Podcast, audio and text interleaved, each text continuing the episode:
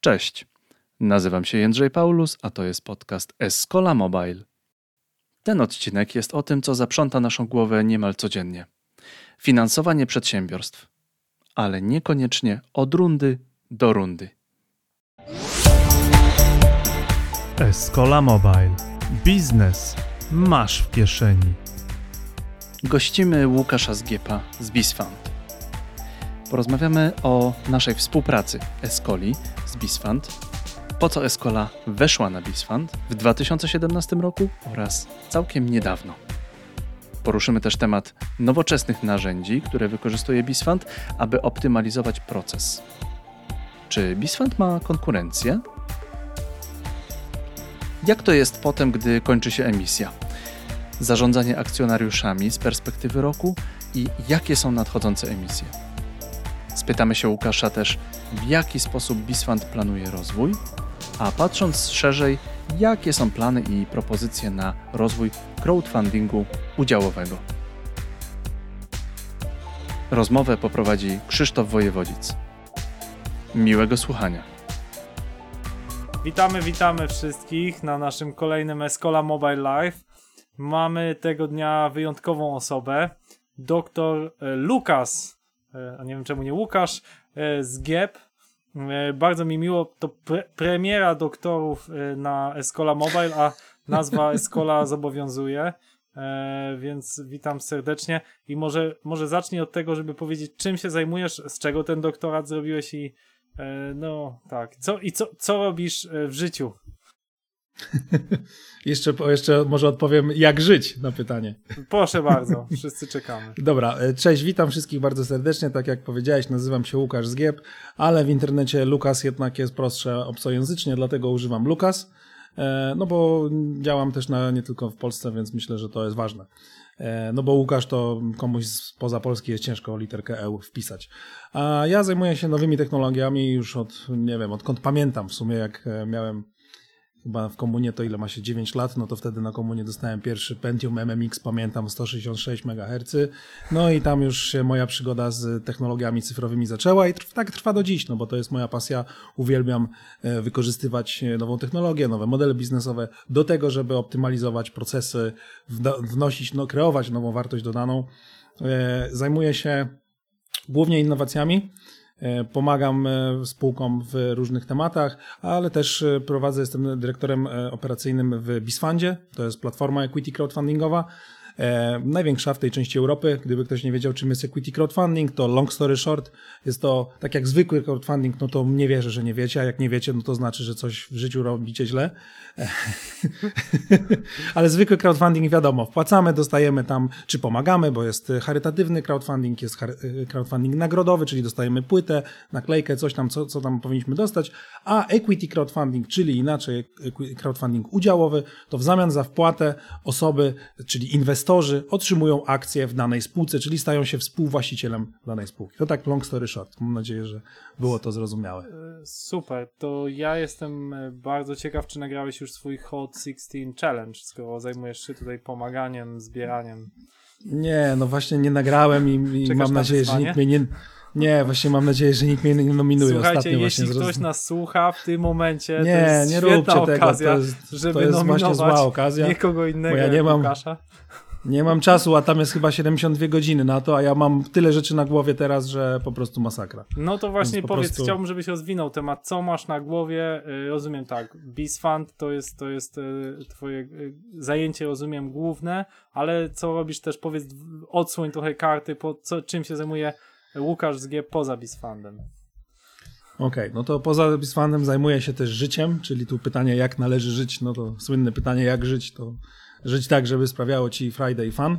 E, natomiast e, no, ja zajmuję się wieloma rzeczami. E, pytałeś też o ten doktorat, bo to trochę się jakoś łączy, mógłbym rzec, bo napisałem doktorat z ekonomii, w sumie pierwszy z, w Polsce i też jeden z niewielu w Europie na temat collaborative economy. Mhm. To jest pojęcie szersze, bardziej naukowe, a pojęcie takie bardziej popularne to jest sharing economy czy marketplaces, czyli wszystkie modele, gdzie platformy internetowe łączą popyt z podażą, tak w dużym uproszczeniu. Czyli pizza Natomiast- portal, tak? Przykłady pizza, Pizza Portal, Booksy, Uber, BlaBlaCar, e, no tego jest od groma, tak? Mhm. E, Faktycznie każdy sektor, to też jak robiłem research do swojego doktoratu, to odkryłem, że praktycznie każdy sektor gospodarki posiada tak jakby e, swojego cyfrowego bliźniaka, właśnie taką platformę, która łączy i dysruptuje daną, daną branżę, tak?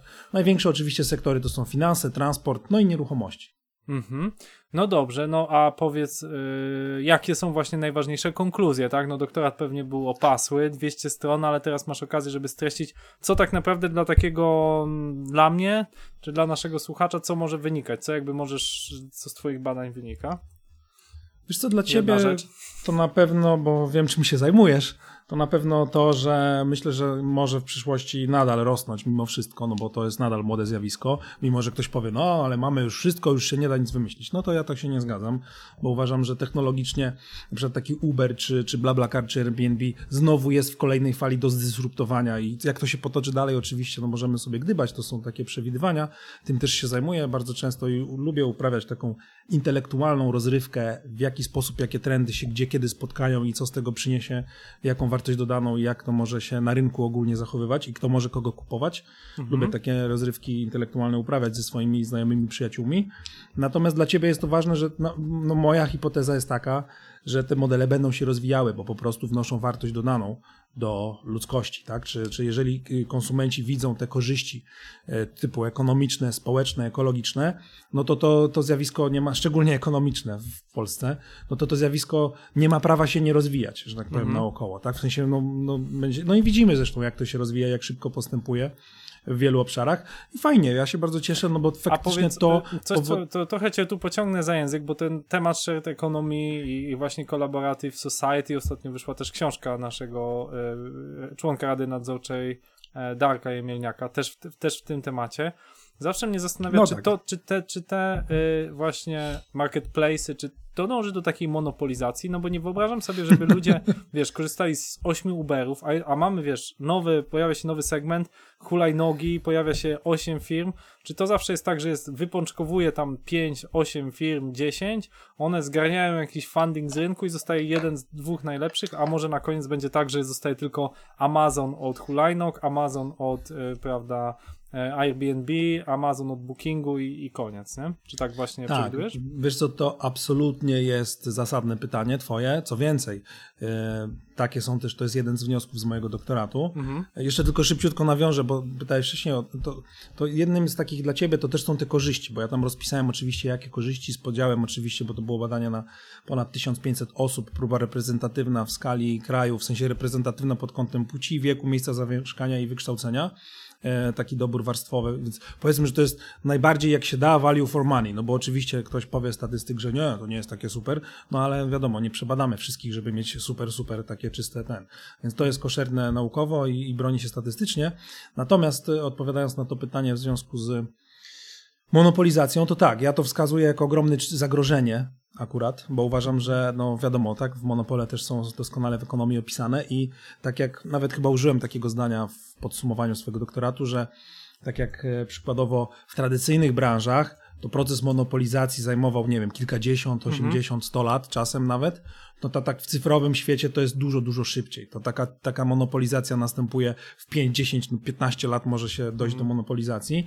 No i oczywiście regulator tutaj nie domaga, bo nie, nie jest wyedukowany i zawsze regulator będzie w tyle, więc regulator będzie mówił, że nie, to to jest złe i tak dalej. No, no i gdzieś tam może będzie miał rację, że w sensie co do monopolu będzie miał rację, tak, że monopol, tak, tylko że nadal, jeżeli, y, i tu, tu jest też moja taka hipoteza już nie z doktoratu, tylko później, to to, że mm, no myślę, że zdecydowanie nawet jeżeli, załóżmy Uber, tak, no bo Uber jest świetnym przykładem, e, przykładowo w Stanach ma zdecydowaną większość rynku I, I w ogóle też e, kilka fajnych badań jest z uczelni Mhm. amerykańskich, które też wykorzystywałem w swoim doktoracie, pokazujący właśnie, jak postępuje szybko mono, zjawisko monopolizacji platform collaborative economy, jak one się pożerają, a jeszcze jeżeli mają fajny funding, znaczy fajny funding, czy, Mhm. czytaj nies- niekończące się kieszenie venture kapitalistów z Doliny, czy z Izraela, czy z Softbanku i tak dalej, z tych wszystkich, którzy są skłonni zaryzykować, bo moim zdaniem oni grają po prostu na monopol Mhm. i grają na hipotezę, że regulator się nie, nie połapie, albo jak się połapie, to już będą tak duzi, że, będą tak że będą... Mhm. Tak, dokładnie. No i, i to jest oczywiście uzasadnione, tak? To nie można temu odmówić logiki biznesowej i ekonomicznej. Natomiast uważam, że jest to zagrożenie, przy czym będziemy to obserwować. W sensie ja to obserwuję od lat i, i fascynuję się tym zjawiskiem. Uważam, że no też rynek nie cierpi próżni. W sensie taki Uber, no to też tutaj wspomniany przez ciebie Lime, czy, czy jakieś inne jeszcze, to, to wszystko będzie dysruptowało. Ja pamiętam, jak sobie robiłem taką prywatną analizę, czy, znaczy ze znajomymi, właśnie Lime'a, jak hul- hulajnogi wjechały i tak dalej, to wszyscy się dziwili, skąd te wyceny, w ogóle jak to jest możliwe, że to jest tyle warte, że to w trzy miesiące w ogóle tak urosło i tak dalej. No ale tu akurat moja hipoteza jest taka, że jeżeli tak szybko coś rośnie, tak, no tutaj myślę, że na przykład, nie wiem, Instagram do Facebooka, to też jest fajna analogia, no też dobra, komplementarne, jeżeli możemy tak nazwać, to e, no taki Lime przykładowo może się stać bramą do elektro, elektromobilności. Jeżeli ja mam Lime'a, bo się przyzwyczaiłem do hulajnóg, to Lime może być moją taką bramą do Ubera, później do Glovo, do wszystkich innych rzeczy, a jeżeli masz bazę userów i userzy regularnie korzystają z tej apki, no to ty masz tą wartość, tak, bo ty możesz apką strafikować ten ruch i lepiej zaspokoić ich potrzeby i, i ty rządzisz, tak, więc myślę, że z tego wynikały te wyceny, chociaż no, y, może być różnie, tak? Bo też różne korporacje duże, tak, które później dołączają do takich y, projektów, czy też kupują je albo inwestują w nie, no to mogą mieć różne strategie, tak? Przykładowo Mercedes czy, czy BMW z carsharingami, to też jest w ogóle zmiana modelu paradygmatu i tak dalej. Czy Tesla, tak? W long termie, żeby udostępniać autonomiczne sieci pojazdów i docelowo pewnie konkurować z Uberem na przykład, tak? No bo jeżeli ja mam Teslę i ona stoi pod domem, a ja z niej korzystam, nie wiem, 10 godzin w miesiącu czy 20, to pozostałe godziny ona mogłaby sobie kółka kręcić i się monetyzować, tak? Aha. A mam do Ciebie pytanie e, trochę w kontekście rynku mobile, tak? Czy, czy Twoim zdaniem e, te, te, te, te rynki właśnie marketplace'owe, e, w jaki sposób one odnoszą się do rynku mobile, który przecież też co roku rośnie, tak? Jakby Uber, Spotify, to są wszystko takie bardzo mocno no, no, no mobilowe rzeczy. Czy to właściwie jest już tak, że, że ten mobile jest dominujący w tym, czy, czy jeszcze nie? Czy... Wiesz co, wydaje mi się, że w zdecydowanej większości przypadków, no to korzystasz właśnie z aplikacji mobilnej, tak? Czy to jest Uber, czy BlaBlaCar, czy Airbnb, no to to jest ta mobilność. Tutaj w ogóle też, bo ja przez 4 lata prowadziłem Software House, co prawda to było dawno temu, ale Zaraz jednak cię o to zapytam, tam... zaraz cię o to zapytam. Okej. Natomiast już nie jestem stricte na rynku mobilowym od, nie wiem, 6 lat bodajże, czy 5, więc no, a wiem, że ten rynek się dynamicznie rozwija, tyle co przez mojego byłego wspólnika czasem wymieniamy myśli. Natomiast e, wydaje mi się, że i to, to obserwuję z kolei po swoich znajomych, e, że część z nich w ogóle nawet przysiadła się z Maca na iPada Pro. Do tego z klawiaturką i w ogóle nie potrzebują, wiesz. Ja akurat jeszcze jestem tym tradycjonalistą, bo mam Maca, bo montuję filmy, albo chciałbym montować więcej filmów, więc dlatego nie przysiadam się w pełni na mobile only, ale mam sporo znajomych przedsiębiorców, którzy już taki krok zrobili.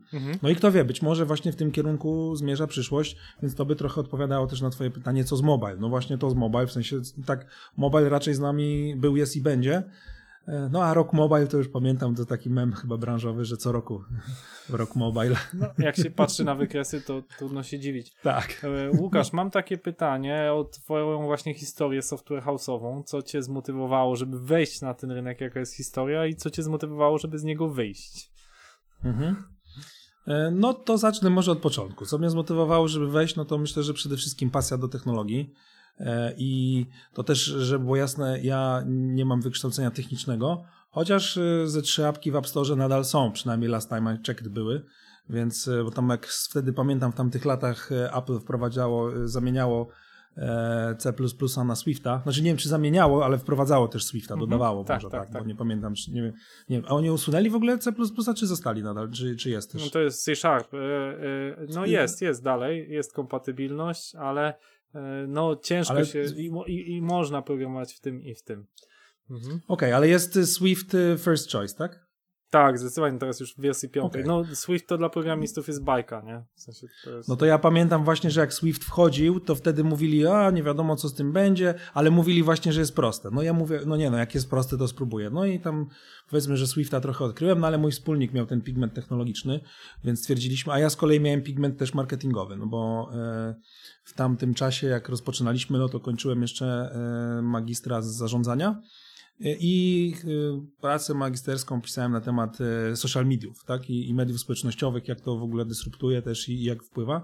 Więc powiedzmy, że poza Software House'em mieliśmy też taką nogę marketingową, no i to też jakoś się łączyło, no bo wiadomo, że jak ktoś zrobił aplikację, no to też mm, nie Tak. zrobił jej po to, żeby zrobić i mm, postawić na półce, tylko żeby ją gdzieś wypromować, tak? Więc ja byłem odpowiedzialny za tą drugą działkę. No i też w tak zwanym międzyczasie, no bo mówię, ten pierwiastek e, innowacyjny czy, czy technologiczny jest we mnie od dziecka, no to kombinowaliśmy też z moim przyjacielem, jak e, na, na czymś swoim, takim produktem własnym, zresztą wie- wiem, że wy w Escoli też to robicie. Natomiast no, byliśmy młodymi gośćmi, można by tak powiedzieć. Popełniliśmy chyba wszystkie możliwe błędy, bo ten projekt nazywał się Move Smart. E, I to był, no też w sumie to też wszystko się jakoś lepi, bo to był taki integrator właśnie car sharingów, bike sharingów, Uberów, wszystkiego, co było dostępne w Berlinie, bo Berlin na, naszym był miastem testowym. Tam zrobiliśmy oczywiście prototyp na Androida, e, zrobiliśmy pierwsze field testy. E, Co prawda nie zdeployowaliśmy tej apki w, ostatecznie w ogóle do stora żadnego, co było w mojej ocenie takim jednym z największych błędów. Zaczęliśmy uprawiać startup turystykę, tak to określam żartobliwie, bo wszystkie konkursy były nasze, od tam polskich infoszerów, internet.bet, jakichś innych, y, nie wiem, Dragon's Denów i tak dalej. To wszędzie zdobywaliśmy jakieś nagrody, wiesz, byliśmy w takiej euforii, to trwało z 8 miesięcy. E, Nawet do tego momentu, że wiesz, i na, na y, Web Summicie byliśmy w Dublinie, wylądowaliśmy w ogóle w Kalifornii, w Dolinie Krzemowej, w San Francisco na takim bardzo fajnym programie akceleracyjnym. Przez miesiąc y, intensywne spotkania od 9 do 21 non-stop.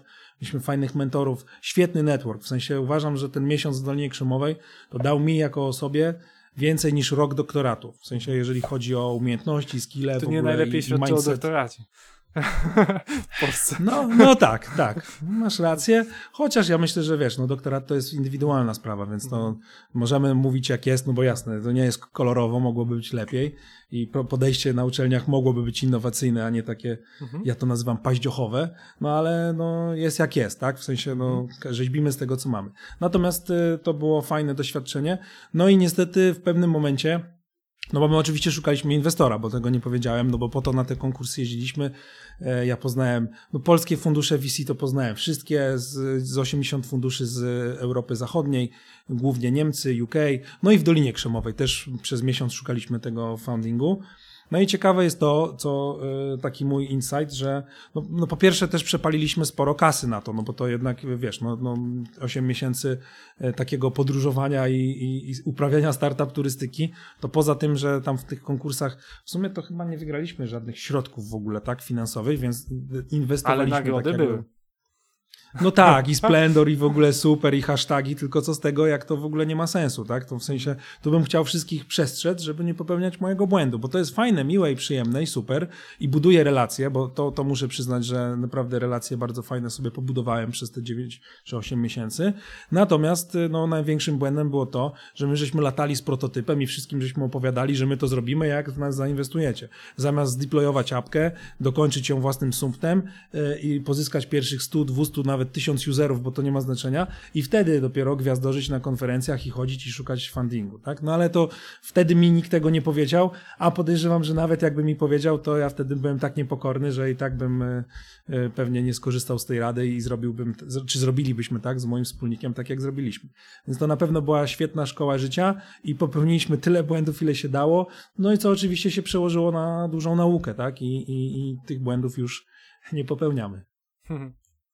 Ciekawa historia. e, Czyli software house, potem produkt, e, no a potem turystyka startupowa i na koniec rozumiem e, zostałeś dyrektorem zarządzającym. Rozumiem, to najpierw byłeś w Crowdwayu, a teraz jesteś w Bizfundzie, tak? A e, mogę Tak. cię pociągnąć za język, czym różnią się te dwie organizacje, ponieważ na pewno słucha nas ktoś, kto się zastanawia, negocjuje różne opcje. To masz teraz dwie minuty na przedstawienie zalet i wad tych obu opcji. Jako osoba, która Okej. położyła dość intensywnie swoje nogi w obu tych organizacjach. Tak, no generalnie ja rozwijałem Crowdwaya od praktycznie samego początku. E, Tam pobiliśmy kilka rekordów equity crowdfundingu i tak dalej w tamtym czasie. Natomiast e, no te Crowd- Crowdway versus Bisfund to są dwie zupełnie oddzielne platformy. W sensie e, ja zawsze, bo e, też dlaczego w ogóle zająłem się equity crowdfundingiem, bo to też jest trochę ważne, bo wcześniej nie było jakiegoś większego wątku, no poza doktoratem z ekonomii to nie było wątku jakiegoś finansowego e, w moim życiu.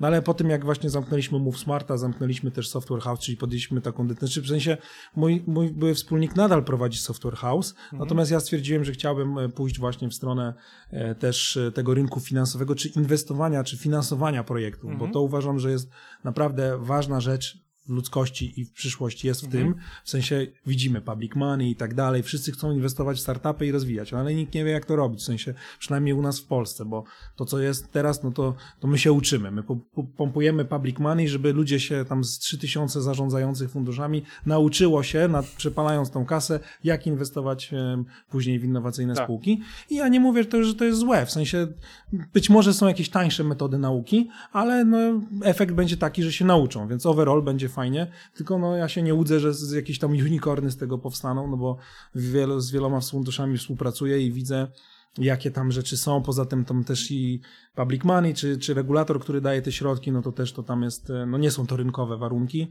no i no to może taki mały off-topic, może nie eksplorujmy tego, Natomiast wróćmy do Twojego pytania, czyli Crowdway versus Bisfund. No i teraz tak, jak ja dołączyłem do Crowdwaya, to bardzo zależało mi na tym, żeby rozwijać właśnie tą sferę społecznościową, bo tutaj upatruję naprawdę największą szansę, bo nie chodzi o to, żeby 10 bogatych ludzi, każdy wrzucił po 200 koła i spółka dostaje e, 2 miliony. W sensie tak też można robić, tak? Tylko, że to jest troszeczkę inne, inny efekt niż e, jeżeli, no, no, no załóżmy na przykład jakiś e, E, Załóżmy, że masz spółkę A, która zbiera na Crowdwayu i inwestuje w nią, nie wiem, 30 osób, 2 miliony złotych, załóżmy. I masz spółkę B, która na Bisfundzie, bo no my działamy mocno społecznościowo, czyli zależy nam jak najwie, na największej masie, chociaż to wszystko też zależy od tego, jaki jest cel klienta, tak? No bo my możemy zarekomendować mu jakieś działania, no bo emisję na koniec dnia zawsze przeprowadza każda spółka sama sobie, tak? My dostarczamy narzędzia ku temu. Natomiast y, no, to, to, to jest chociażby pierwszy efekt, tak? czy pierwsza różnica, czyli masz spółkę, gdzie y, czy, czy inwestycje pozyskałeś 2 miliony od 30 osób albo od 3000 osób. No i to jest tutaj szalona różnica, bo y, te magiczne rzeczy odblokowują się właśnie w momencie, kiedy masz y, te kilkaset inwestorów albo kilka tysięcy nawet inwestorów, bo możesz naprawdę ten crowd swoich ludzi, którzy stoją za twoimi plecami, którzy ci pomogą, którzy dobrze ci życzą, udostępnią swoje kontakty, pomysły i tak dalej, e, no to to jest, to, to, to jest ta, myślę, że główna różnica e, między Crowdwayem a Bisfundem, no bo no, my po prostu robimy, czy uprawiamy, tak, czy umożliwiamy przeprowadzenie equity crowdfundingu zgodnie z, ze światową sztuką, tak, tak jak to robi Crowdcube, czy Seedrs, e, czy, czy platformy azjatyckie, czy, czy amerykańskie. Crowdway ma trochę inną strategię, natomiast nie chciałbym się wypowiadać też na temat konkurencji, no bo nie, e, nie łączą nas żadne relacje, e, no i no i tyle, tak bym tutaj postawił kropkę. Mhm. Wspomniałeś o narzędziach, że, że BizFund daje narzędzia. E, Chciałbym usłyszeć tutaj, jakie to są narzędzia. To znaczy, bo jestem pewien, że wiele osób mm, wychodzi z takiego założenia, obserwuje te aukcje na BizFundzie, czy, czy akcje, mówi, wow, kurczę, zebrali jakiś browar nieznany zupełnie, typu mm, browar Jastrzębie, który zebrał bodajże prawie 4 miliony. Browar, który no, teraz już jest znany, teraz już jest tak, znany, ale nie był właściwie znany. nie był tak, masz znany rację. i nagle wyemintował, i- więc każdy myśli, no gdzie tu jest magia, więc chciałbym, żebyś przeanalizował na podstawie, ja, ja potem, ponieważ Escola też była na Bisfundzie, podzielę się swoim doświadczeniem, ale chciałbym, żebyś właśnie pokazał jakiś case study, mm, nie, niech to będzie ten browar Jastrzębie albo inny tobie bliski, w jaki to się dzieje, że ludzie, wiesz, wpłacają takie pieniądze, tak? To nie jest mało, 4 miliony, to jest wie, chyba teraz w tym Hot 16 Challenge jest zebrane, nie wiem, 2,5 miliona, 3, czyli jakby na piwko ludzie zrzucili się więcej niż na e, COVID-a w związku z, ze śpiewającym Dudą, Korwinem i wieloma dużo bardziej muzykalnymi ludźmi. E, no tak. Mm, chciałem tą piłeczkę, którą zagrałeś, odbić od razu i faktycznie poprosić ciebie o, o, o ten, co, co, co ci dała emisja dwukrotnie z nami, ale widzę, że podkręconą piłeczkę puściłeś, więc odpowiem. No bo mm, po pierwsze, myślę, że mm, tak na dobrą sprawę to wszystko zależy. O, no wiem, że to może na każde pytanie tak można powiedzieć, ale możemy się trzymać tego przykładu browaru Jastrzębie, bo on jest taki dosyć fajny, namacalny, poza tym wszyscy rozumieją, czy, czy wiedzą, co to jest piwo, tak, jak działa i, i tak dalej. Lubią. Więc, Albo nie. Ja nie wiem, czy wszyscy lubią, natomiast y, no, browar Jastrzębie ma bardzo charyzmatycznego lidera. W sensie Piotr Piekarski, bo miałem okazję no, współpracować z nim przy tej emisji. Zresztą poznaliśmy się też oczywiście wcześniej, no bo każdy z naszych klientów przygotowywuje się do emisji. To nie jest tak, że dzisiaj przychodzisz, podpisujesz umowę, a jutro startujesz z emisją. No nie, to są często długie miesiące przygotowań po to, żeby wszystko było zrobione zgodnie ze sztuką, z literą prawa i tak dalej. No i Browar Jastrzębie właśnie w ten sposób się przygotowywał. Wydaje mi się, że oni się przygotowywali nawet jeszcze zanim do nas przyszli. To jest też ważne bardzo profesjonalnie podeszli do tematu, e, kupili działkę e, pod, bro, pod budowę browaru, mają też w ogóle tam, to, to nie jest tak, że to tylko charyzmatyczny człowiek Piotr, tylko po pierwsze on jest charyzmatyczny, po drugie jest bardzo autentyczny, mm. po trzecie ma doświadczenie biznesowe, bo ma, jest prezesem i właścicielem innej spółki notowanej w ogóle na New Connectie, biura księgowego. Po czwarte, dobrał sobie bardzo fajnych i zdywersyfikował radę nadzorczą, inwestorów, takich, którzy jeszcze na samym początku zakładania browaru Jastrzębie dołączyli do niego. Dobrał sobie też innych e, współ, współpracowników, tak? E, w postaci chociażby Olka, bardzo świetny gość, który specjalizuje się w rynku nieruchomości. E, ma doświadczenie biznesowe. No i jeszcze do tego, żeby było śmieszniej, albo co jest też ważnym pigmentem, jeżeli stawiasz browar, skompletował drużynę trzech świetnych piwowarów. Miałem też okazję ich poznać, także No dobrze, to tak wy, wykręciłeś się taką najtańszą odpowiedzią, że ludzie, ludzie są kluczem do sukcesu, tak? Jeszcze brakuje, żebyś powiedział edukacja, tak? Bo to, no dobra, ludzie, tak? Ale co, y, jestem, chcę wejść na ten BizFund, na, na, lub na inną platformę, co stanowi kluczek, co jest kluczem do sukcesu, jakie są czynniki, może etapy, tego wejścia. Okej, okay, no to tak szybciutko, to może te zanim wystartujesz z emisją, tak? No to wiadomo, trzeba przyjść do nas, spotkać się z jednym z naszych ekspertów, mamy świetny zespół, z każdym z nich, każdy z nich ma ogromną wiedzę, doradzi w ogóle, czy to jest dla was, no bo jednym z najczęściej zadawanych pytań przez przedsiębiorców, czy naszych potencjalnych klientów jest, uwielbiam to pytanie. Łukasz, powiedz, czy to się nadaje na equity crowdfunding? To się nadaje na equity? Nie daje? Nie nadaje się? Nadaje się? Jak ja bym był jakąś wyrocznią, czy wiesz, yy, yy, czy uzurpywał sobie prawo, żeby jak Neron przekręcić kciuka. Wiesz. Jesteś crowdem, ale... jesteś jednoosobowym crowdem, więc... No tak, ale ja sobie żadnego prawa nie uzurpuję i nie jestem najmądrzejszy, nie, nie pozjadałem wszystkich e, rozumów. Natomiast to rozumiem to pytanie. Skoro dużo ludzi je zadaje, no to znaczy, że to ich ciekawi i, i, i interesuje. Dlatego warto warto sobie odbić tą piłeczkę z, naszym, z jednym z naszych ekspertów. Takie konsultacje są bezpłatne. Zapoznać się z ofertą w ogóle, jak to wygląda i z czym to się wiąże, z czym to się je.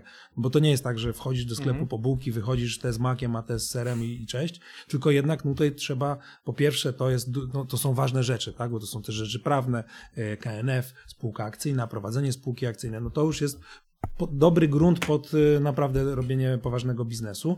No i tak też y, regulacje nasze pozwalają właśnie w, przypadku spółek akcyjnych przeprowadzać equity crowdfunding. Więc y, to bym powiedział, że pierwsza rzecz to w ogóle nawiązać relacje z Bisfundem, z kimkolwiek z Bisfundu, czy to ze mną, czy z Arkiem, chociaż my jesteśmy raczej tam mniej uchwytni, no bo mamy coraz więcej na głowie różnych tematów.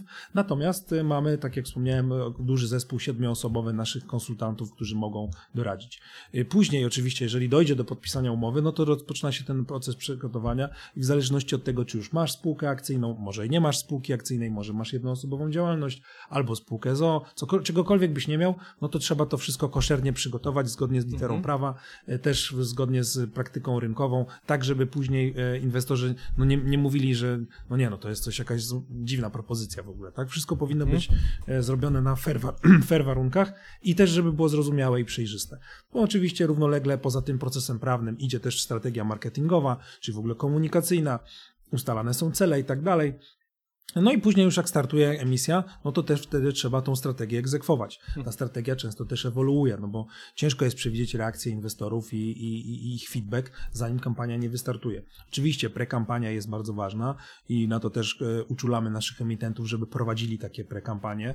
My też oczywiście doradzamy w tym procesie naszym know-howem, udostępniamy dostęp do agencji partnerskich, takich certyfikowanych przez nas, bo mm, ze dwa lata temu, no czy półtora roku temu spotkaliśmy się z takim zjawiskiem, że do naszych klientów e, zaczęły uderzać e, agencje krzaki, agencje marketingowe krzaki. No i ci klienci, z racji tego, że my im nikogo nie rekomendowaliśmy, no to brali te krzaki, no i mieli bad experience, bo wydawali kasę, nie było z tego efektów, no i byli, a na koniec dnia mieli pretensje do nas, bo się nie zbiera. to jest dowód na to, że ekonomia nie, nie lubi pustki, tak? Dokładnie tak.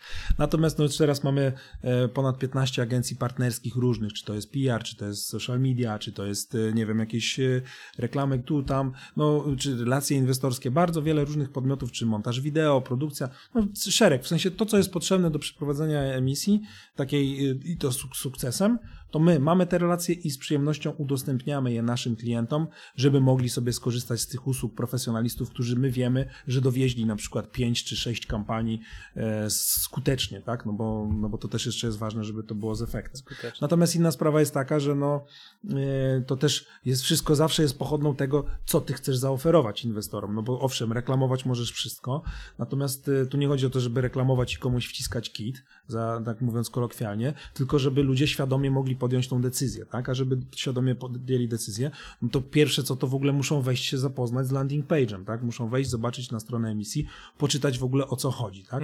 No i jeżeli jest jakieś zainteresowanie, to na przykład taki inwestor może zadać komentarz, tak? Pytanie w komentarzu sobie zostawić, albo na przykład na- napisać do prezesa maila, albo zadzwonić do niego, umówić się z nim na spotkanie face to face, albo wziąć udział w webinarze, albo przyjść na Investors Day'a, no teraz mamy COVID, no to przyjść na online'owego Investors Day'a i tak dalej, tak? Żeby dajemy tą przestrzeń do tego dialogu, żeby inwestorzy mogli zapoznać się z tą propozycją inwestycyjną i później świadomie i odpowiedzialnie też, to to zawsze podkreślam i teraz też podkreślę, żeby odpowiedzialnie podjąć decyzję inwestycyjną, ponieważ tego typu inwestycje wiążą się z jednym z najwyższych poziomów ryzyka dla inwestora. Po prostu, bo inwestując w jedną spółkę, to już na giełdzie jest szalone ryzyko, jak, jak kupujesz akcję jednej spółki. A co dopiero jak kupujesz akcję jednej spółki, która jeszcze nie miała przychodów na przykład, albo ma pierwszych dopiero pięciu klientów, a nie jak Orlen jest y, i istnieje i ma tam dziesiątki tysięcy pracowników. Nie? Rozumiesz o co mi chodzi, tak?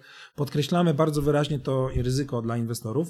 I ci inwestorzy, którzy mają większy apetyt na ryzyko i chcą sobie zdywersyfikować portfel i dać sobie przestrzeń na, e, na większą dawkę ryzyka, ale też i potencjalnie większą premię, jeżeli któraś z tych spółek, e, w które zainwestowali, wypali, tak? Czy, czy, czy, e, czy po, po, może pomnożyć ich oszczędności, no to to jest właśnie to narzędzie, tak? To jest ten, ten, ta przestrzeń, gdzie można ten apetyt na wyższe ryzyko zaspokoić. Mhm, mhm. E, No właśnie, jeszcze chciałem Cię zapytać o narzędzia technologiczne, bo pamiętam z emisji, że było takie fajne teraz predefiniowane jakby zadania, które się wypełniało i to robiło na mnie całkiem dobre wrażenie, no bo przy Waszej skali, jaką w tej chwili ma BizFund, no to jest już konieczność, tak? Jakbyś mógł o tym powiedzieć. Mhm. No, wiesz co, my w sumie, mm, nawet właśnie jak się zaczął koronawirus, no to pierwsze co, no to przeglądasz swoje sasy, tak? Czy może coś był, można było uciąć. Natomiast ja się śmieję, bo my, my w Bisfandzie, no nie chcę mówić, że żyjemy w kryzysie od początku, bo to tak brzydko brzmi, ale no my jesteśmy też startupem. My też nie, no cały czas szukamy e, i, i- rozwijamy się dynamicznie, więc reinwestujemy środki i, i, i nigdy, nawet przed kryzysem, nie mogliśmy sobie pozwolić, żeby trzymać jakiegoś sasa czy jakieś narzędzie w opłacie abonamentowej, z którego nie korzystamy. No i faktycznie tak było, że jak zrobiłem taki przegląd z, z naszym CTO Witoldem Sosnowskim, no oczywiście najpierw sam przejrzałem, potem się pytam, Witold, a może byśmy coś skasowali, bo wiesz, COVID, może zaczniemy jakieś oszczędności. No i przejrzeliśmy i doszliśmy do wniosku, że naprawdę wszystko, co mamy, to naprawdę tego używamy. Więc powiedzmy, że. E, aha, no i odpowiadając wprost na Twoje pytanie, to mamy tych narzędzi no, ponad 20. To są różnego rodzaju narzędzia technologiczne, e, czy to optymalizujące pewne procesy biznesowe, czy marketing automation, czy w ogóle jakieś elementy właśnie optymalizacji pracy na zapleczu, czy wizualizacji danych, czy, czy, czy myślę, że mniej więcej z, no, z 50%, no, 40-50% dotyczy podejrzewam, marketingu, tak, i optymalizacji tego marketingu, no bo jednak tutaj jest ta, ta nasza duża przewaga względem innych platform konkurencyjnych, że my mamy faktycznie duży know-how w tym obszarze i, i robimy to bardzo autentycznie i realnie, tak, Ci, i budujemy społeczności wokół firm, bo na koniec dnia, poza Mhm. oczywiście kasą, no to wokół tych firm powstają społeczności. Jeżeli ja mogę Tobie zadać pytanie, no bo w sumie e, mm, jak Ty oceniasz bud- zbudowanie społeczności i to dwukrotnie wokół swojej spółki? No ja jestem jakby, ja, to- to, jest, tak jak ty tutaj odpowiadasz, że to jest złożona sprawa, ja uważam, że faktycznie jest to złożona, ma swoje to plusy ujemne i plusy dodatnie, czy jakoś tak się mówi. I tak to dokładnie działa. Escola łącznie zebrała w dwóch emisjach 920 tysięcy i e, złotych. Czyli można powiedzieć, że no, tam w Bisfundzie y, mieli, chcielibyśmy się w jakiejś pewnie minimalnie nad y, średnią, y, natomiast nie, nie na pewno w jakiejś czołówce. I wydaje mi się, że to akurat dla Escoli była świetna szansa do tego, żeby zbudować społeczność. Jak popatrzyłem za ostatnie 12 miesięcy, nasza społeczność, nasi akcjonariusze Escoli wygenerowali około miliona złotych kontraktu. Czyli to jest no, kawał pieniędzy, które nie tylko wnieśli w gotówce, ale też jakby sugerując, będąc naszymi ambasadorami, sugerując Escole jako wykonawcę różnych kontraktów, albo nawet sami zgłaszając się, tak, czyli przychodzi na akcjonariusz i mówi, słuchajcie, jestem akcjonariuszem, więc raczej y, wam ufam, skoro zainwestowałem już swoimi pieniędzmi, teraz zaufam wam e, moją e, powierzeniem e, projektu. Więc to jest pierwsza korzyść, którą ja widzę, taka chyba największa. Druga korzyść, którą uważam jest bardzo fajna, to jest no, pewien taki marketing, który właśnie robią ci akcjonariusze. Oczywiście każdy właśnie e, e, plus ma też tą ujemną stronę, no bo to jest jednak zarządzanie 300, w naszym przypadku 350 akcjonariuszami, e, którzy mają pytania. Reguła jest zazwyczaj taka, że im mniej mają akcji, tym więcej mają pytań. Najwięcej pytań mają ci, którzy mają jedną akcję. U nas jednak kosztuje 70 zł. No i faktycznie tam, tam te pytania trzeba obsługiwać. Mamy około 200 osób w naszej grupie facebookowej akcjonariusze Escolesa. Jeżeli ktoś słucha tutaj i nie jest jeszcze w niej, to zapraszamy. I tam staramy się takie bieżące dyskusje prowadzić. E, Oprócz tego raz na kwartał wysyłamy podsumowanie naszych wyników. W tej chwili jest troszeczkę wyzwanie takie mm, prawne, ponieważ e, mamy nowe regulacje, jest ta dematerializacja akcji, trzeba wybrać biuro maklerskie. No krótko mówiąc, rząd chciałby wiedzieć, kto ma gdzie jakieś akcje i wcześniej mogły one być anonimowe, no a teraz już nie będą mogły być anonimowe i będzie to bardziej, bardziej jeszcze kontrolowane niż było, a wiecie, jak ty jesteś wspomnianym Orlenem, to nie jest to dla ciebie problem, bo już i tak prowadzisz to na szeroką skalę, jak jesteś taką eskolą, no to jest koszt, jest to jakiś wysiłek organizacyjny, jest to pieniądz wydany na prawników. E, także to jest, to bym powiedział, że właśnie to jest plus i minus, czyli plus ambasadorzy, minus zarządzanie tym pod względem organizacyjnym i prawnym. E, Mhm. I na pewno mogę potwierdzić to, co mówisz, że ważne jest przygotowanie do emisji. W przypadku Escoli to było super ważne i jakby jeśli miałbym cokolwiek powtórzyć, to właśnie przygotować się le- jeszcze lepiej. To znaczy jest, jest to trudny moment, szczególnie jeśli robi się to raz, a, a praktycznie zawsze robi się to raz. Em, a jeżeli już to dwa razy, czyli jakby nie możesz zebrać takiego doświadczenia, którego ma Bisfan, który robi to powielokroć.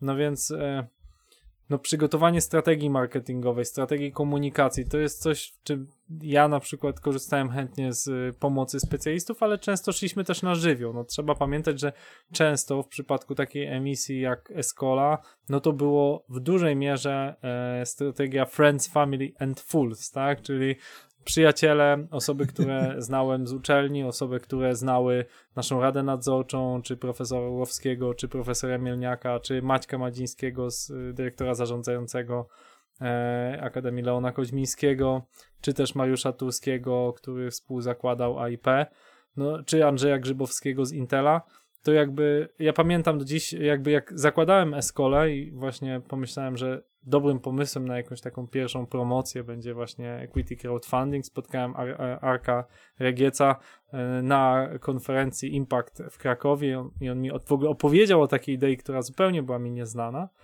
i wówczas pomyślałem, że to jest fajny pomysł przede wszystkim w zakresie marketingu. Ja tutaj zrobię taką dużą dygresję, ale, ale ona jest e, istotna odnośnie właśnie zakupów grupowych, bo ja w przeszłości miałem dwa startupy e, związane z nauką języków obcych online, e, e-learningiem, czyli pierwsze szkoły języka online, jedna dla dorosłych, druga dla dzieci. I myśmy dość sporo Mhm. sprzedawali na zakupach grupowych. No to był produkt, który miał bardzo mały margines każdego dodanego abonamentu, SaaS. No więc jeżeli my dawaliśmy kurs za 800 zł obniżony do 100 zł, ludzie bardzo się cieszyli, że złapali taką mega okazję, a my mieliśmy e, zazwyczaj Groupon brał około 40%, zostawało nam 60 zł w kieszeni. Bardzo dobry biznes, jeżeli sprzedasz tego 1000, to w tym momencie masz 60 tysięcy z jednej e, takiej mini emisji. I co ja wtedy zauważyłem? Że nie tylko ludzie kupują poprzez Groupon, ale też kupują wtedy więcej na stronie, zwiększa się ruch, otrzymujesz ogromną dawkę marketingową i bardzo często sprzedaż także tradycyjnych abonamentów, które były nieco droższe i nie musieliśmy odpalać Grouponowi, znacznie się zwiększały. Czyli nie tylko ludzie kupowali, ale także dowiadywali się, były to działania marketingowe, czyli win-win. I tak samo podszedłem właśnie do Bisfundu, że dużo osób się dowiedziało e, i pamiętam do dziś rozmowę z profesorem Orłowskim, który mówi, po co wchodzicie na ten Bisfund, ile tam można maksymalnie zebrać, 400 tysięcy, wówczas było. I on mówi, to przecież ja dam 100 tysięcy, y, zadzwonię do trzech kolegów i każdy da po 100 tysięcy, mamy 400, jakby szkoda czasu i energii. No. No ale ja się na to nie zgodziłem, on faktycznie wpłacił swoje 100 tysięcy poprzez platformę Bisfund e, i 300 tysięcy gdzieś tam się rozdystrybuowało poprzez innych e, akcjonariuszy. No. E, Okej. no. No, to jest to fajne, fajne i zgadzam się z tobą, w sensie to jest absolutnie tak jest. Mała tylko rzecz, bo na początku wspomniałeś, że właśnie tak, zarządzanie e, akcjonariuszami i raportowanie to oczywiście generuje jakieś koszty i też czas, ale z drugiej strony też narzuca pewnego rodzaju, wydaje mi się, że taką zdrową dyscyplinę dla zarządu, dla, dla founderów, żeby faktycznie raportować inwestorom. No bo jeżeli ten, ta spółka ma rosnąć, to i tak prędzej czy później pojawią się jeszcze poważniejsi inwestorzy, którzy już będą narzucali swoje korporacyjne prawda. jakieś. Ja do dzisiaj Tak. pamiętam, ponieważ y, mamy ciekawą historię, naszym dyrektorem zarządzającym, czyli, czyli tobą w Escoli jest ym, Kuba Kasnowski. To jest osoba, która jeszcze 2,5 roku temu pracowała w firmie doradczej Deloitte i e, Kuba planował założyć swój startup związany z usługami prawniczymi. Ja go namówiłem, żeby poświęcił trochę czasu na rozwijanie startupu, a trochę na Escole.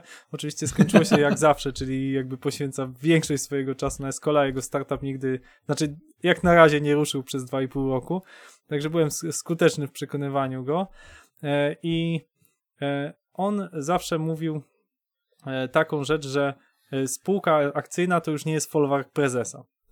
I tak trochę było, że jak mieliśmy spółkę ZO, y, gdzie ja byłem większościowym akcjonariuszem, e, no to prawda, można było tam robić wszystko, nie było żadnych audytów, e, nie wiem, najprostsze rzeczy typu, nie wiem, uzasadnienie zakupu jakiegoś sprzętu, czy nie wiem, limit wypłat dla e, prezesa był jakby sky is the limit. Natomiast w tej chwili jakby to jest wszystko bardzo uregulowane, pilnuje tego rada nadzorcza, pilnują tego akcjonariusze, ja muszę się z wszystkich ruchów spowiadać i uważam, że to jest dobre, mm, daje też pewien taki zaczątek do tego, żeby być trochę większą spółką, bo Escola jest w tej chwili na razie małą firmą e, jeszcze, e, zbliża się powoli do tego, żeby być średnią firmą, no i w tym momencie dajesz sobie taką dyscyplinę, żeby być gotowym faktycznie na zostanie tą, tą średnią firmą, na e, wdrożenie wszystkich takich typowych mechanizmów dla firm średnich i dużych, gdzie już musi być pełna kontrola zarządcza, gdzie już musi być przewidywanie, gdzie twój payroll rośnie, ale musisz mieć jakby wszystko zabezpieczone i bardzo dobrą analitykę zarówno na wejściu, gdzie pojawiają się lidy, e, na przetwarzaniu lidów, jak i dostarczaniu produktów. Także uważam, że jest to szalenie dyscyplinujące. Jeżeli ktoś ma taki plan, że docelowo chce być dużą spółką albo średnią, e, ale, ale średnią dużą, czyli tam powiedzmy 200-250 osób czy więcej, no to warto, warto iść e, w kierunku właśnie pełnej dyscypliny. Można to robić w spółce ZO i, i też wiele osób mnie, kiedy ja mówię, że mamy bardzo fajną radę nadzorczą, że mamy tam profesora Witolda Orłowskiego czy profesora Dariusza Jemielniaka z Harvardu, no to mówią, no ale przecież można mieć radę nadzorczą w spółce. No można, tylko jakby niech ktoś mi pokaże, ile spółek ma radę nadzorczą, której naprawdę zwania się raz na miesiąc, spowiada, gdzie jest pełen controlling, i gdzie, y, i gdzie faktycznie to się odbywa w sposób bardzo zdyscyplinowany. Można sobie robić audyt raz na rok, będąc spółką ZO, tylko niech mi ktoś pokaże, kto zatrudnia audytora i faktycznie trzepie sobie od A do Z, puszcza raporty. No, akurat mamy, jesteśmy w czasie audytu, więc wiem, że to będzie miesiąc z życia e, dla dyrektora zarządzającego i częściowo dla mnie. E, ale uważam, że warto, no bo wiem, że dzięki temu osiągamy pewną dojrzałość. Tak? No. Dokładnie. Poza tym też jest czas właśnie na przemyślenia, na porządkowanie. To takie rzeczy czasem umykają, jeżeli się szybko rozwijasz i, i można się tutaj... Ten... A jeszcze jedną rzecz dodam, bo wspomniałeś właśnie o tych też le legalnych, tak, czy, czy legalnych, legal, czyli tych prawnych wymaganiach. E, To tak, faktycznie, ta de- dematerializacja po pierwsze została przesunięta przez covid do 31 marca 2021, a nie do grudnia. E, To jest jedna rzecz, taka informacja. A druga rzecz ważna, to to, że my jako Bisfund, no oczywiście zebraliśmy oferty z większości domów maklerskich w Polsce, sami nie jesteśmy domem, i wybraliśmy dwie najlepsze, dwa najlepsze w naszej ocenie domy maklerskie, z którymi dostarczymy usługi naszym klientom obecnym, przeszłym i przyszłym, w, w, korzystnych warunkach w mojej ocenie, no bo znam oferty rynkowe, jak to wygląda, dlatego serdecznie zapraszam Ciebie, ale No. też i innych naszych To emitentów i mamy, przyszłych. to mamy prywatę tutaj na antenie, bardzo się cieszę, bardzo się cieszę, Nie, to skorzystam. być może ktoś inny też nas słucha. Nie, bo faktycznie jest prawo skali. Jeżeli Bisfund ma w swoim portfelu ile? 50 spółek, które zrealizowały emisję, czy już więcej w tej chwili? No, 76. mój drogi. 76. No to nawet jeżeli skorzysta co trzecia, to już jest też skala, która. która Tak. a te spółki mają dosyć podobny charakter, bo jednak większość z naszych spółek to. jest na takiej fali rosnącej, nie zawsze jest e, duża. Często są to Tak. spółki małe lub średnie. Dokładnie tak. Dlatego stwierdziliśmy, że no, powinniśmy mieć taką ofertę dla nas, żeby kompleksowo też nie tylko cześć, pozyskałeś i cześć, tylko żeby ta relacja pozostawała i też żebyśmy... Poza tym to też jest tak, że my jesteśmy właśnie tym ogniwem, taką tą platformą, która łączy inwestorów z projektami, tak? Więc ta komunikacja na osi też dewelopujemy i mam nadzieję, że w trzecim kwartale, maksymalnie w czwartym, wypuścimy moduł do otrzymania relacji inwestorskich wewnątrz platformy. Po to, żebyś ty mógł z panelu administracyjnego Escoli jako zarządzający, mógł na przykład wysyłać swoje raporty, update'y właśnie w panelu y, i wtedy ja jako inwestor twój mogę w panelu BISFAN dostać notification o e, Krzysztof e, uploadnął właśnie raport roczny, kwartalny, e, coś tam opublikował post i tak dalej. Taką grupę, co jest na Facebooku, to chcemy przenieść do nas, ponieważ no na chwilę obecną te grupy się sprawdzają, bo są dobrym narzędziem, ale stanowią barierę, no bo tam, nie wiem, 60-70% Polaków maksymalnie jest na Facebooku, więc nie wszyscy mają Facebooka i nikt nie będzie zakładał Facebooka, bo tam jest e, e, grupa inwestorów. E, A po drugie, mm, no jednak Facebook to jest Facebook, tak? W sensie nie wiesz, czy Facebook będzie Tak, istniał tak. za rok, za dwa, za pięć. No to jest dobre rozwiązanie to, co mówisz, y, choćby z perspektywy kogoś, kto ma wiele spółek w portfelu i po prostu chce przez Tak. jakiś panel Dokładnie. przejrzeć, co Dokładnie. To po co on ma spółkach. być na 20 grupach i co chwila mieć powiadomienia, bo ktoś tam wrzucił e, logo browaru Jastrzębie w Central Parku.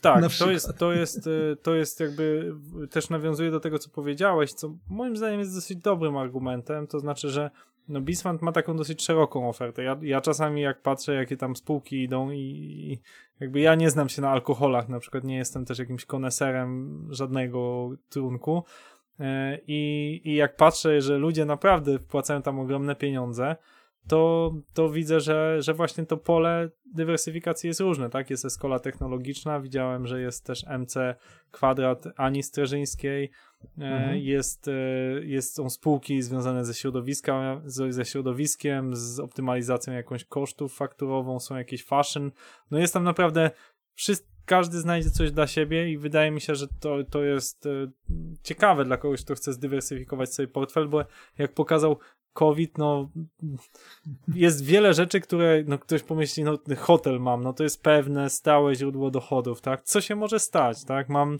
restaurację, no wiadomo, mogę, będzie miało większe zarobki, może mniejsze, co się może stać? No i nagle bach, okazuje się, że w dwa tygodnie ludzie naprawdę zamykali swoje biznesy. Zresztą z, czytałem, z, niezbyt pocieszony, że restauracja Edred, która notabene też była u was y, w emisji, zamyka swój lokal w hali koszyki, bo gdzieś tam policzyli, że to za drogo wychodzi. Szukają jakichś innych ścieżek. e, Mają, wiem, że też inne lokale chyba w Krakowie, gdzieś tam, gdzieś tam indziej. No ale to pokazuje, jakby ten przykład unaocznił, że jakby przewi- nieprzewidywalność w biznesie jest duża, a z drugiej strony Ogen, y, wasz inny e, e, emitent, no sprzedaje teraz e, te testy na COVID i domyślam się, że ich biznes rośnie bardzo. Myślę, że to są tysiące, jak nie dziesiątki tysięcy tych testów, bo ja pamiętam jako akcjonariusz dostałem wcześniej chwilę informacje, Mhm. więc e, zamówiłem dla siebie i dla bliskich tam kilkanaście testów, e, zanim jeszcze były tam publicznie to dostępne. E, No i moje zamówienie w sklepie, które klikałem, miało tam numer, nie wiem, 30 chyba, czy tam 50, jakiś tam dwucyfrowy i to robiłem w środę, a później jak byłem na Biskampie, takim naszym miejscu pod Olsztynem, bardzo fajnym, takim innowacyjnym kampie glampingowym e, nad jeziorem i tak dalej, to zarządzający tego Biskampu, Patryk, jak coś tam rozmawialiśmy właśnie o koronawirusie, o testach, to on mnie poprosił i mówi, to ja też sobie zamówię. No i wysłałem mu linka, zamówił sobie te testy i jego zamówienie już miało tam 1300 numer. Mhm. Więc jeżeli mają, a pewnie mają, że numerowane jest, wiesz, po kolei, no bo tak z reguły się pisze, soft, to pewnie wiesz, no to wiesz, w środa było dwucyfrowa, a w piątek już czterocyfrowa liczba. Więc Mhm. myślę, że tak, masz rację. I to jest, to, jest, to, jest, właśnie- to ryzyko, o którym my mówimy. I tych ryzyk oczywiście, bo tu mówimy o pandemii, ale to tych ryzyk jest od groma innych. Regulacyjne ryzyka, nie wiem, biznesowe, otoczenie biznesowe i tak dalej. No, ryzyk jest naprawdę bardzo dużo, tak, związanych z inwestycjami. I to nie tylko tymi equity crowdfundingowymi, ale właśnie, no nie wiem, ktoś miał mieszkanie na, na Airbnb na przykład. Nie? No tak. Wynajmował kiedyś, kiedy- kiedyś wynajmował na najem długo, długoterminowy, miał najemców, zarabiał na czysto załóżmy dwójkę, a przyjaciel go namówił, y, na przykład załóżmy w styczniu, mówi, dobra, skończyło ci się najem, tak, szukasz najemców, to wrzuć na Airbnb i będziesz miał czwórkę albo trzy i pół, no wyciągniesz więcej, no bo z reguły tak jak się tym, tylko też no trzeba poświęcić czas i tak dalej, ale można wyciągnąć większą kwotę. No i, no i przyszła pandemia i się okazało, że w ogóle masz zero, tak, z takiego Airbnb. Więc no to wszystkie, wszystkie czynniki ryzyka. Dlatego właśnie ta dywersyfikacja jest ważna, bo ja nie mówię oczywiście, żeby inwestować wszystkie swoje środki na Bisfundzie, bo to jest szalone i skrajnie ryzykowne. No chyba, że ktoś ma aż tak wielki apetyt na ryzyko, no ale to już jest zbyt duży w mojej ocenie apetyt na ryzyko, ale jeżeli sobie dywersyfikujesz portfel i nie wiem, i, i masz nieruchomość, y, czy masz jakieś obligacje, czy masz lokatę, czy, czy, czy, czy cokolwiek innego, tak? Czy, czy jakieś akcje spółek, y, czy nie wiem, no różne możesz mieć, y, trzymać swój majątek i inwestować swój majątek, no to warto jakiś, na przykład, nie wiem, masz y, 100 tysięcy złotych, to warto chociaż z piątkę wrzucić w te ryzykowne, tak? Że jeżeli coś się uda, dać sobie przestrzeń na to, no bo jeżeli będziesz trzymał całą stówę na lokacie, to już pomijam wątek, że teraz są ujemne de facto, jak uwzględnimy inflację, to, to będziesz topniał ci ten majątek. Obligi, powiedzmy, te, te dyskontowane inflacją są jakimś hedżem na to, ale to też już chyba od maja się zmieniły zasady. W sensie rząd obniżył mocno to oprocentowanie.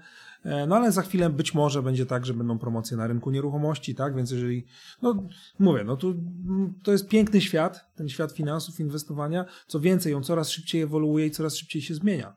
Więc e, podejrzewam też z drugiej strony, że większości inwestorom może być trudno utrzymać to tempo rozwoju mm, czy tempo zmian na tym rynku. No i też, żeby się dostosować do tego, myślę, że piękne i bardzo ciekawe czasy przed nami. E, Łukasz, jeszcze chciałem cię zapytać, no, żebyś uchylił rąbka tajemnicy, mówisz o, o planach e, Bisfundu, e, że e, mówisz, że planowany jest taki, tak, taki jakby wysyłka e, jakichś maili, komunikacja z akcjonariuszami.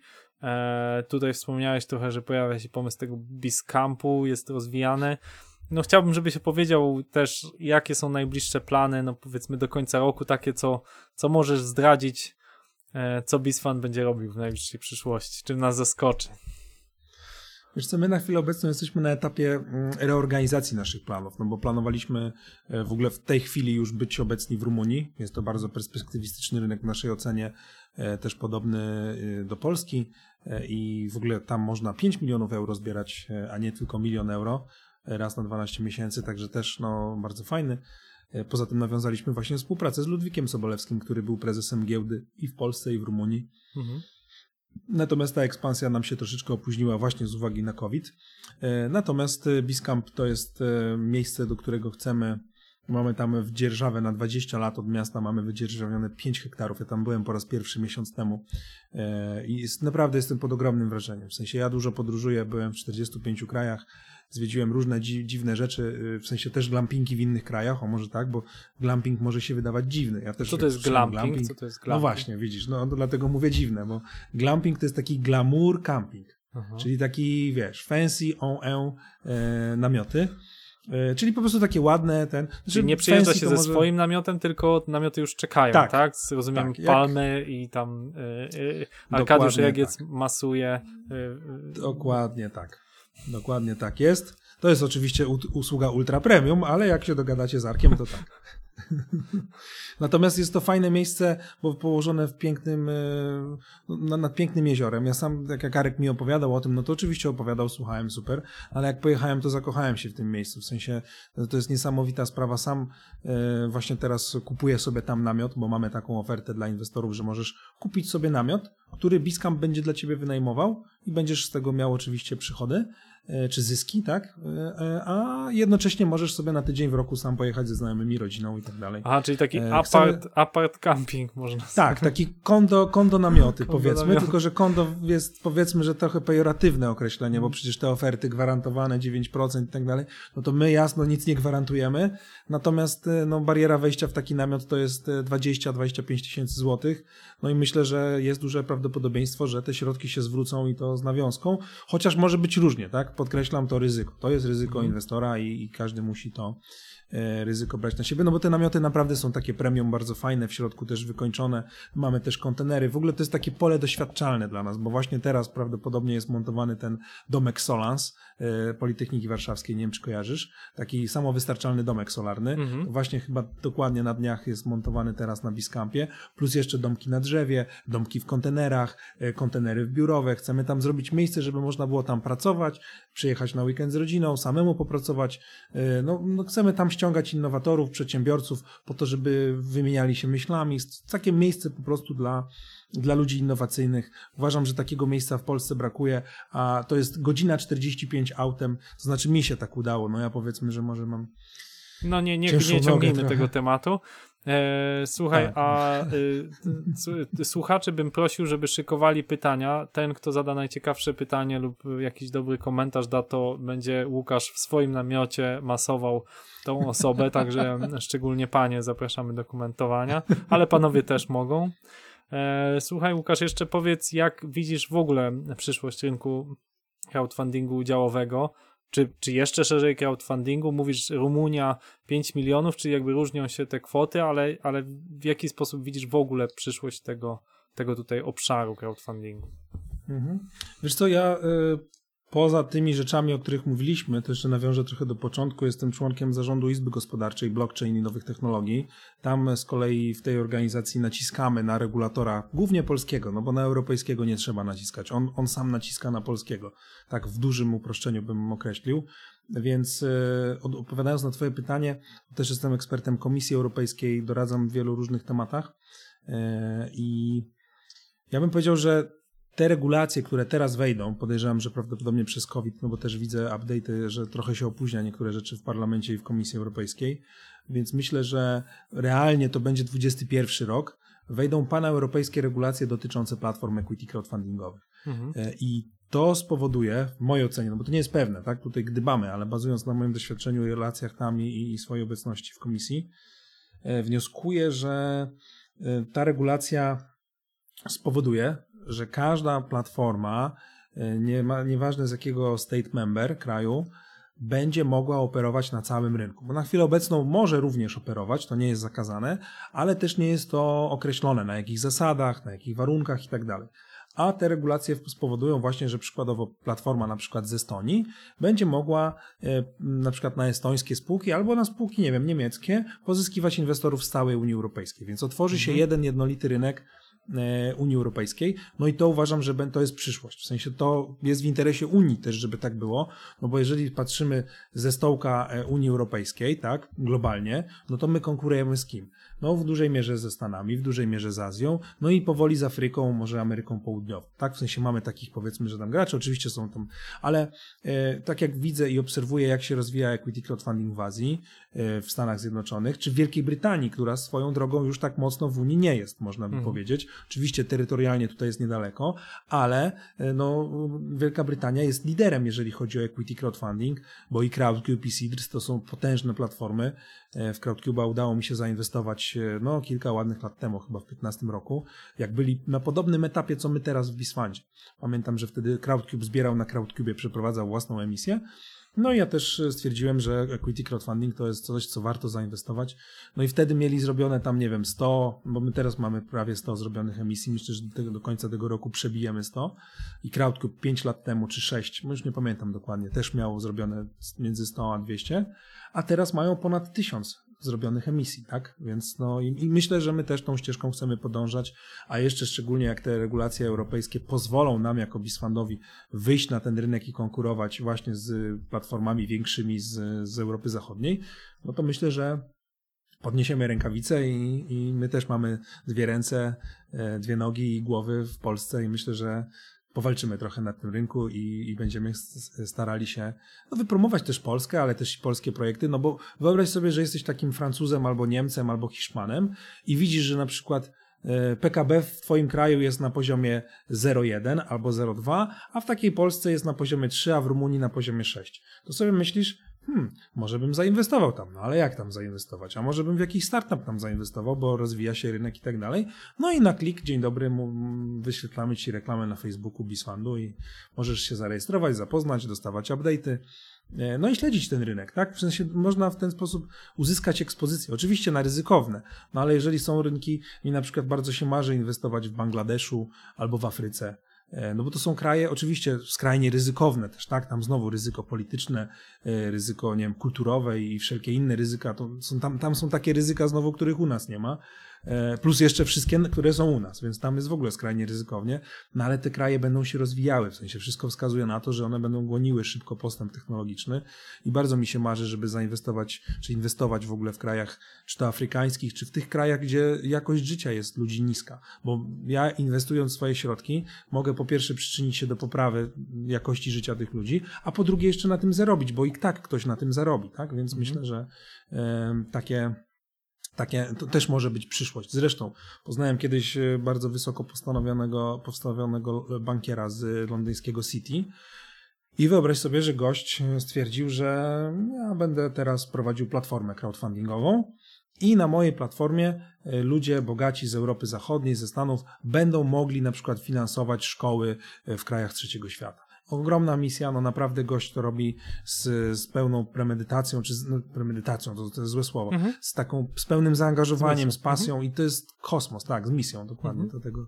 tego słowa mi zabrakło. No i, i to myślę, że to jest kierunek, tak, że okej, okay, zysk zyskiem, bo kasa się musi zgadzać, to wiesz jako y, przedsiębiorca, ale no myślę, że coraz większy nacisk właśnie będą ludzie stawiali i inwestorzy też przywiązywali wagę. I nie tylko ci duży, no bo banki też przecież teraz, no ale czy to jest ekologiczne, czy to jest e, tak. elektromobilność, czy to jest zdrowe, czy to nie węgiel, to już pytają, tak, banki. Ale na tym poziomie ground level, na tym poziomie planktonu, czyli powiedzmy, że indywidualnego inwestora, który inwestuje nawet i 1000 zł, tak? Może ktoś powie, że to małe kwoty, czy 50 zł, czy 100, czy 200, czy 1000, ale jeżeli to jest crowd, to crowd może swoimi pieniędzmi zagłosować, żeby powstała jakaś usługa, powstało coś, jakaś, e, jakiś produkt, który lepiej będzie w przyszłości odpowiadał na i będzie bardziej dopasowany do rzeczywistości. Mhm. Słuchaj, Łukasz, to była godzina bardzo intensywnej dyskusji. E, jeśli są jakieś pytania, jest to ostatni moment, żeby je zadać. E, dowiedziałem się masę rzeczy na temat tego, jak działa, jak działa nie tylko BizFund, ale w ogóle e, rynek kapitałowy, trochę rynek crowdfundingu udziałowego, gdzie za udziały wpłacamy pieniądze i możemy liczyć na zyski w przyszłości, czy na dywidendę. E, ciekaw jestem rozwoju dalszego właśnie BizFundu jako platformy, ale także i rozwoju całego rynku. Chciałbym, żeby polska platforma BizFund weszła na zagraniczne rynki. E, także bardzo się cieszę, bardzo się cieszę, że mogłem Cię gościć w Escola Mobile Live. E, I może jeszcze, ponieważ mamy taką okazję, możesz zostawić z jakąś dobrą myślą przedsiębiorców czy przyszłych emitentów, może którzy rozważają jakąś taką myśl na koniec byś zostawił. Okej, okay, to po pierwsze bardzo serdecznie dziękuję za zaproszenie. To też bardzo mi się podobała ta rozmowa i zawsze, zresztą lubię z Tobą rozmawiać, bo uważam, że masz bardzo ciekawe podejście i, i takie przyszłościowe na wiele różnych tematów. Więc zresztą jesteś też doktorem, więc zawsze doktor z doktorem jakoś się złapie lepiej myślami. Natomiast ja myślę, że taką najważniejszą rzeczą, którą mógłbym Wam przekazać, to to, że jakikolwiek biznes nie prowadzicie, czy offline'owy, czy online'owy, czy, czy z jakiejkolwiek branży, to myślę, że najbliższe dwa lata to będą najpiękniejsze lata dla przedsiębiorców po to, żeby wykorzystać te nowe, nadarzające się okazje, redefinicję potrzeb konsumentów, y, korporacji, firm. E, mm, I to nie tylko redefinicję potrzeb, ale też sposób zaspokajania tych potrzeb, no bo sposoby też się zmieniają.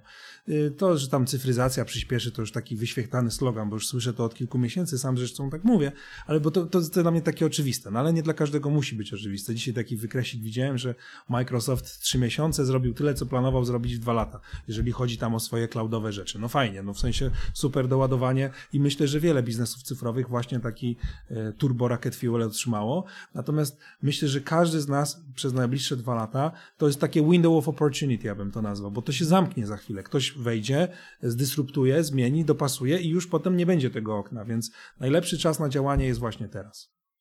No to zachęcamy do działania. Bardzo dziękujemy Wam za uwagę. Zapraszamy Was na e, Biscamp, tak, pod Olsztynem, czy w Olsztynie. E, To jest, właśnie to jest tricky, bo to jest tuż przy granicy Olsztyna, ale to jeszcze jest w Olsztynie. Także Na- na nawet granicy- można tam dojechać, można tam dojechać tak. Uberem, Na... Boltem, nawet pankiem, carsharingiem z Warszawy możesz dojechać. Dobrze, pogoda, pogoda jest świetna, sprzyja temu. Dziękujemy za uwagę i zapraszamy na kolejne Escola Mobile Live. Escola Mobile. Biznes masz w kieszeni. Dziękujemy za Twój czas i za to, że spędziłeś go z nami. Ta rozmowa była również dostępna na YouTubie. Link jest w opisie. Podobnie jak nasze linki do LinkedIna. Podziel się tym podcastem z innymi. Udostępnij go na LinkedInie, na Twitterze, opowiedz o nim swoim znajomym. A może ktoś z Twoich przyjaciół, kumpli, partnerów szuka finansowania? Bisfund na pewno może pomóc zaproponować jakieś fajne rozwiązanie. Czy Twoja firma robi jakąś super fajną mobilową aplikację? A może Ty masz coś genialnego do powiedzenia o rynku mobile? Jeśli tak, zapraszamy do rozmowy. Daj nam znać, bardzo chętnie porozmawiamy. Będziesz miał okazję opowiedzieć światu o swojej fajnej aplikacji. Dzięki. Do usłyszenia.